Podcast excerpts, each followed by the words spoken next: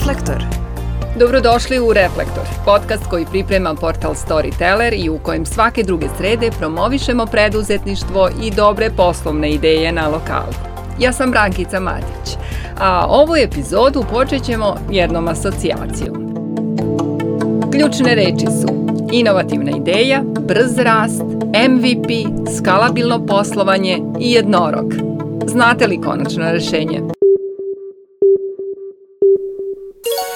Ako znate odgovor, šta mislite koliko ljudi iz vašeg okruženja bi znalo na šta se odnose ovi termini?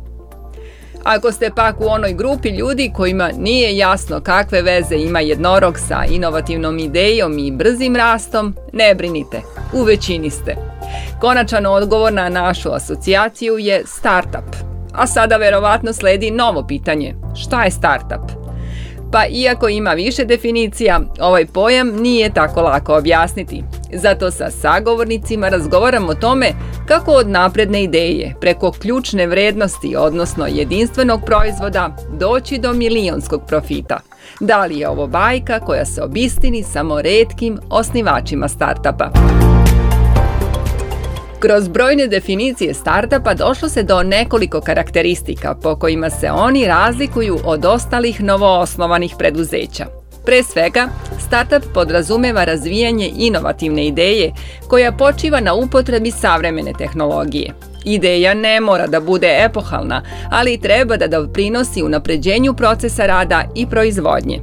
Zatim startup ima potencijal brzog i velikog rasta, a tržište koje pokriva nema granice. Evo jednog primjera. Otvaranje prodavnice, još jedne u nizu, iste ili slične kao i mnoge druge, nije startup. Ali pokretanje internet platforme na kojoj će, recimo, svoje ručno rađene proizvode predstavljati i prodavati mali proizvođači, jeste startup. Baš na ovu ideju su pre šest godina došli Ivana Ilić i Kristijan Haška iz Bačkog Petrovca. Osnovali su komunu, online market za prodaju ekskluzivnih i unikatnih proizvoda malih lokalnih brendova. Šta je pokrenulo ideju, govori Kristijan Haška. Ivana je imala ideju, ona je uglavnom tvorac e, svih ideja i kreative kod nas. E, pošto je pre toga prodavala na Eciju, videli smo da naši ljudi nemaju ni obrazovanja, ni načina da savladaju Eci, jednostavno da im je prekomplikovan. I, a sa druge strane postojalo je mnogo malih proizvođača koji nisu imali i dalje nemaju adekvatan, to jest nisu pronašli adekvatan kanal da plasiraju svoje proizvode i onda smo tu videli prostora za tako nešto. E sad, to je bila ideja, ali do, do realizacije je bilo malo teže doći. Mi naravno nismo razumeli sve aspekte e, koji su potrebni da se odrade kako bi ova ideja zaživela tada. Put razvoja startapa otpočeli su sticanjem osnovnih i potrebnih znanja i veština. Kroz šestomesečni program Novosadskog poslovnog inkubatora upoznali su se sa osnovnim fazama razvoja startapa. Potom je usledio tehnički deo izrade platforme. Konačno, u septembru 2020. godine, online market komuna je zaživao. Međutim, kako Kristijan kaže, ta prvobitna platforma nije bila najbolje rešenje, jer su shvatili da im je za brzi rast i širenje koje su planirali potreban vlastiti kod koji su na kraju i uspeli da razviju. Pa je nova platforma postavljena u oktobru prošle godine. To je jedan ogroman proizvod, recimo kao što ga ima Ananas, kao što je Etsy, kao što je Amazon. Uh, uopšte je prekompleksno samo razviti taj proizvod bez proizvođača, bez dodatnih usluga koje radimo. I takav jedan, sad imamo još nekoliko meseci da sve to umincamo da radi kako treba. I onda bi rekao da smo mi tu negde, da smo recimo našli product market fit, to se tako naziva u startup svetu, odnosno da imamo proizvod koji odgovara na zahteve naših korisnika. To su s jedne strane prodavci, s druge strane kupci. I uh, kada to postignemo, onda se ide na uh, scale, kako kažu, znači ide se onda posle na rast. Komuna Market okuplja 700 malih proizvođača odeće, kozmetike, aksesoara, hrane i pića i opreme za bebe. Svi oni, kaže Kristijan, ispunjavaju postavljene kriterijume. Kvalitetni su, održivi, sa savremenim dizajnom, a brend ima određenu strategiju. Procenjuju da u Srbiji ima 5000 malih brendova koji ispunjavaju ove kriterijume – a Kristijan kaže, cilj je da se svi oni u naredne dve godine nađu na komuna marketu. Kristijan priznaje da nisu zadovoljni pozicijom u kojoj se trenutno nalaze, ali očekuje da će u ovoj godini početi da ostvaruju prihod. Razvoj startapa je, kaže, teže od svega što je do sada radio. U velikim količinama potrebno je novca, vremena i nerava. U startupu uvek neke vatre gore. Znači, ne, ne može se desiti da ti uh, zatvoriš vrata kancelarije i da nešto ne gori. Znači, problema uvek ima. Ti moraš bukvalno samo birati koji plamen ćeš da ugasiš, da sutra kad dođeš u kancelariju, da te kancelarije bude. I ujutru kad ustaneš, ako pogledaš u telefon, vidjet ćeš da imaš još tri nova plamena i onda onaj možda plan od juče od pet kad si izašao iz kancelarije uh, više ne važi. Tako da da, živaca neograničeno, vremena isto tako. Postoji uverenje da se startupi najčešće pokreću u IT industriji. Međutim, podaci kažu suprotno. Ima ih i u poljoprivredi, online prodaji, ljudskim resursima, transportu i logistici, ali i u svim drugim oblastima gde su moguće inovacije i unapređenje procesa rada. No, bez obzira u kojoj oblasti se osnivaju, zajedničko za sve startupe je da počivaju na savremenim tehnologijama. O razvojnom putu još jedne startup ideje govori nam Aleksa Tešić. Studirao je matematički fakultet u Beogradu, smjer informatika i priča da je tokom studiranja redovno morao da proverava i po nekoliko sajtova da bi za samo jedan predmet saznao termine ispita, rezultate ili druge važne podatke. Zato je napravio jednostavan program, instalirao ga na računar i kad god bi se nešto promenilo na sajtu koji ga interesuje, o tome je putem maila bio obavešten. Ovu ideju podelio je sa prijateljima koje je upoznao tokom boravka u istraživačkoj stanici Petnica. Tako je nastao tim koji uz Aleksu čine još i Vladimir Lunić i Nikola Bebić. Odlučuju da zajedno razviju aplikaciju Notify Me, a Aleksa objašnjava kako ona funkcioniše. Obaveštenje koje, koje stigne ljudima na mail i sažetak tih programa. Mi samo pošaljemo ljudima, e, evo ovaj sajt se promenio, ove stvari su dodate, ove stvari su sklonjene, ove stvari su modifikovane i vi naravno sad imate mogućnost da kliknete i dodete, dodete da na sajt i da vidite cijelu stranicu koja se menja. Ono što je zapravo čitav ideja ovog servisa s kojim smo krenuli i koju, koju i dalje guramo je da to bude što je jednostavnije moguće za korišćenje. Znači, uh mhm. -huh. taj servis ne treba da bude intruzivan, ne treba da vas tera da ga vi koristite i dalje, Ideja servisa je da vi namestite vaše sajtove koje vas interesuju i da vama ti sažeci promjena stižu direktno na mail ili opet na što god drugo se ga namestimo i da nemate potrebu ni da ulazite na te sajtove, nego vidite aha, ok, sajt koji mi interesuje, na primjer, ti neki tenderi, aha, ok, novi konkurs, ok, iz imena konkursa meni ovo ima smisla, ok, kliknut ću na sajt da vidim detalje, Aplikacija Notify Mi namenjena je svima koji redovno proveravaju različite sajtove, poput novinara, PR agencija, preduzeća ili pojedinaca koji prate sajtove na kojima se objavljuju konkursi i tenderi.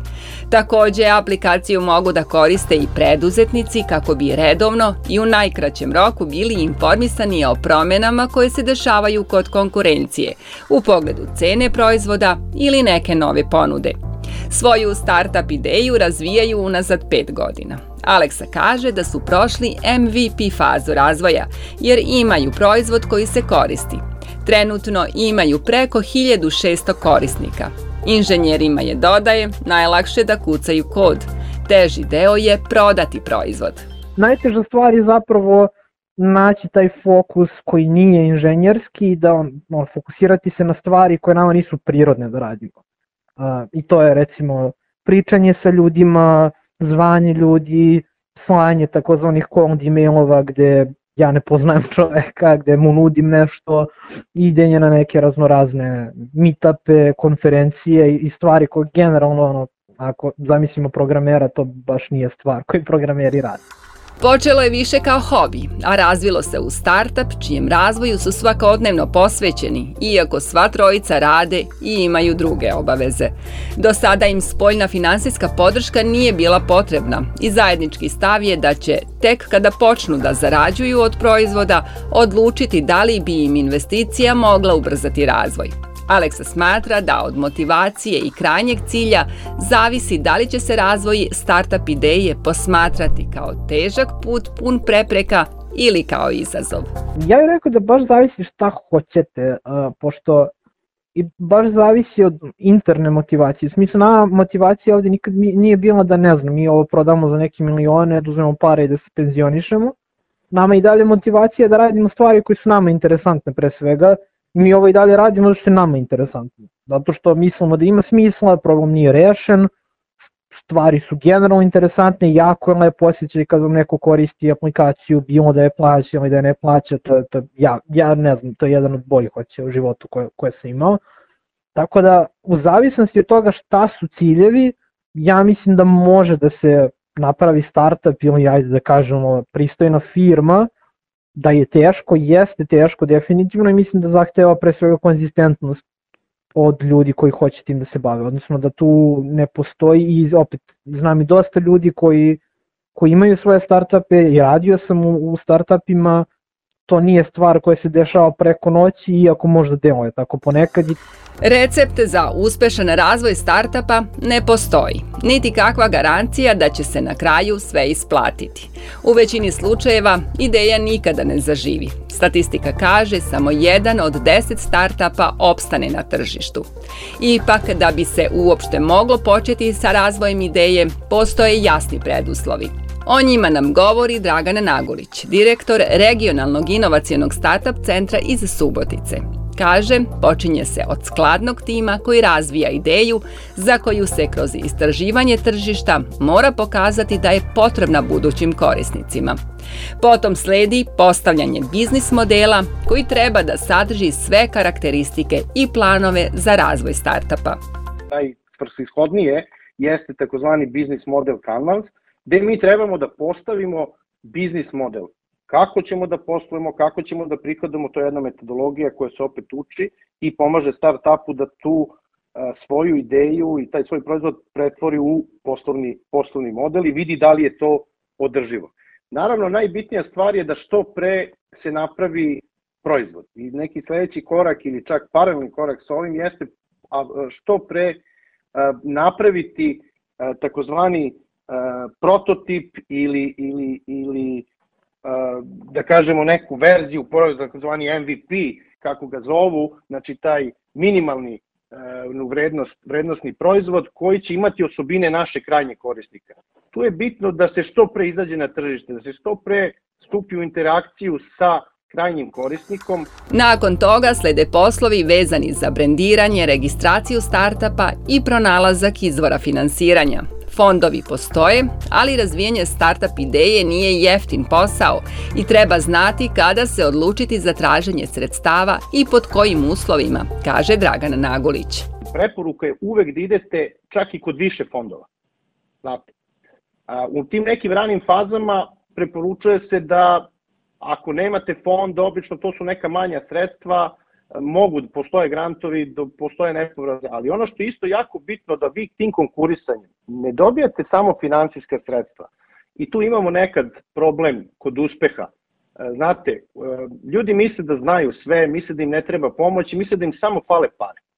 Međutim, vi u, u većini fondova dobijate i mentorstvo, dobijate neku e, dodatnu vrednost, dobijate konekciju ili partnera ili mentora koji je već možda prošao takav neki sistem, koji iz te branše gde ste vi smislili novu ideju i to je nešto što, što jednostavno ljudi moraju, moraju da, da, da prihvate da ne mogu samostalno baš da prođu sve.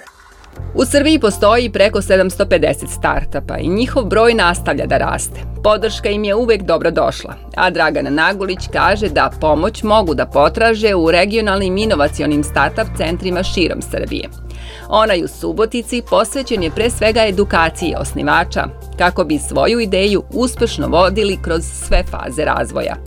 Mogu da dobiju i mentorstvo, kao i mogućnost povezivanja sa drugim startuperima. Još jedna adresa na koju mogu da se obrate svi oni koji veruju da imaju inovativnu ideju je inicijativa Digitalna Srbija.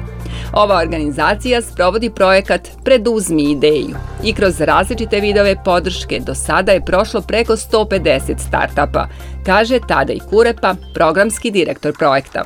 Mi se upravo fokusiramo na te neke rane faze razvoja i na motivisanje buđenje tog uh, preduzetničkog načina razmišljanja i motivisanje ljudi da uh, se upuste zapravo u um, startup avanturu, taj preduzetnički poduhvat. Mi imamo niz različitih aktivnosti od ovaj, um, nečega što se zove preduzetničke priče, to je jedan podcast u kome um, različiti startuperi dolaze i, i pričaju, pričaju svoju priču. Uh, do e, radionica gde učimo ljude kako da brzo validiraju ideju. Širom Srbije organizuju startup vikende na kojima timovi uče kako da obave testiranje i validaciju svoje ideje i da istraže tržište. Takođe imaju priliku i da svoju ideju predstave potencijalnim finansijerima. Ulazak u startup ekosistem je avantura, a znanje je često tas koji prevagne na stranu uspeha, kaže Tadej Kurepa. Ja sam nedavno razgovarao sa nekim domaćim startupom, ovaj, sa kojima sam razgovarao prošle godine i znam da su bili u problemu um, sa time da li će ostati bez novca, da li će uspeti da razviju svoj proizvod i tako dalje i rekli su mi da su pre nekoliko meseci a, promenili biznis model na taj način što su sa istim proizvodom ovaj, koji su razvijali, a, okrenuli su se drugoj ciljnoj publici, a, proizvod su drugačije oblikovali, ali ostao je suštinski, suštinski isti i čak su mu podigli cenu, a povećala im se prodaja i a, izašli su potpuno iz problema i sada se e, vrlo uspešno razvijaju, tako da e, razlika između toga da li će neko da uspe ili neće da uspe, vrlo često može da bude vrlo mala i to znanje i mentorstvo koje neko može da dobije na tom putu može da bude e, presudni faktor. Završavamo i ovu epizodu Reflektora. Sve preduzetničke priče koje smo do sada ispričali potražite na portalu Storyteller te profilima naše redakcije na Facebooku, Instagramu i LinkedInu.